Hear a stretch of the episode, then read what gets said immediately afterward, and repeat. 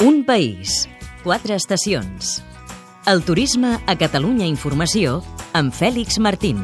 A Manresa es preparen per celebrar que Sant Ignasi de Loyola va fer estar de la ciutat fa 500 anys. Volen que això serveixi per atraure turistes. Per començar han preparat una ruta guiada de 24 quilòmetres que porta de Manresa a Montserrat. Aquest mes de maig es podrà fer de nit. Ben diferent és la proposta que es fan des de l'empresa Aliborn. Per 72.000 euros ens proposen un viatge espacial d'una hora que es començarà a fer a partir de l'any vinent. Es puja a més de 100 quilòmetres d'alçada.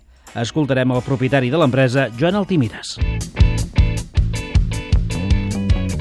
El repte turístic de Manresa passa per l'horitzó del 2022, quan es compliran 500 anys de l'estada de Sant Ignasi a la ciutat. La capital del Bages ha adequat un recorregut temàtic. A més, ha dissenyat una ruta mida per fer caminades guiades de l'últim tram del camí ignasià. Això és entre Manresa i Montserrat. Un reportatge d'Isaac Vilalta amb el muntatge musical de Josep Lluís Blázquez.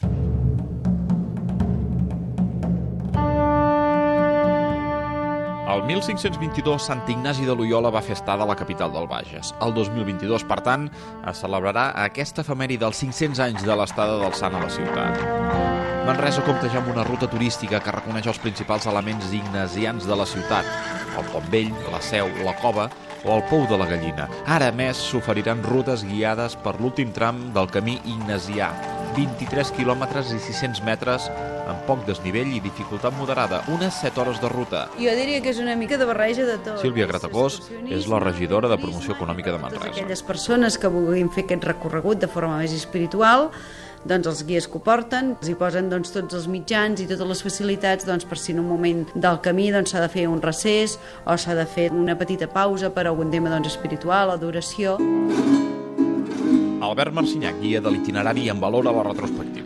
El que intentem doncs, és una mica de posar veu en aquest paisatge tant natural com de patrimoni històric i de, també de fer èmfasi de, de la comarca on estem, ja sigui doncs, de l'actual com també en l'època en què Sant Ignasi la va recórrer, no? fer aquest punt d'abans i després i aquesta retrospectiva. En aquests últims 24 quilòmetres hi ha previstos dos avituallaments i és una ruta accessible a tots els públics, com explica l'altre guia de l'itinerari, en David Roig. Va dirigit sobretot al que seria el públic de, de Manresa, que sigui també de català, europeu i, bueno, i d'arreu del món.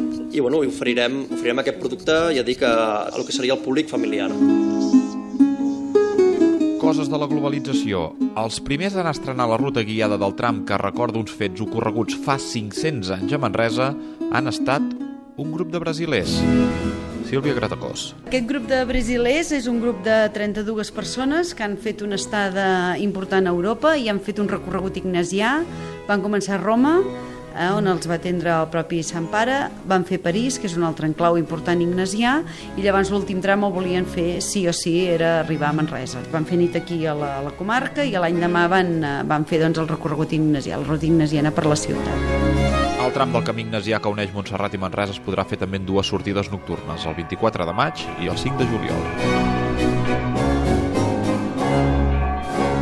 I d'un recorregut ambientat en el passat a un altre que ens porta cap al futur.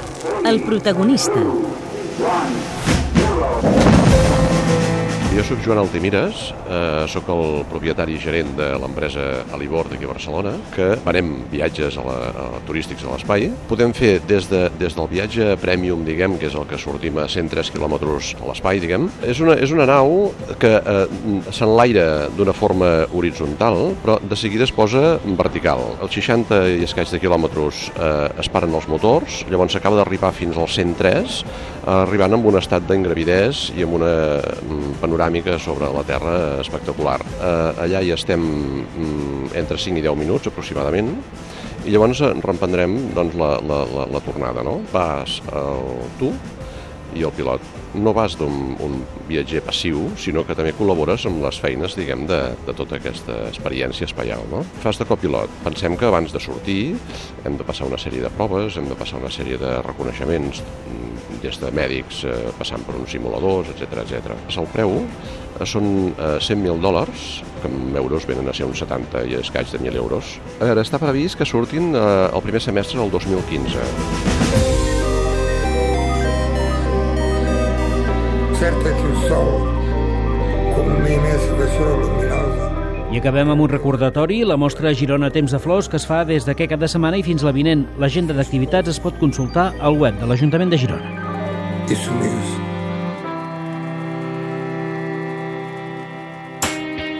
Un país, quatre estacions. Un programa realitzat des dels centres territorials de Catalunya Informació.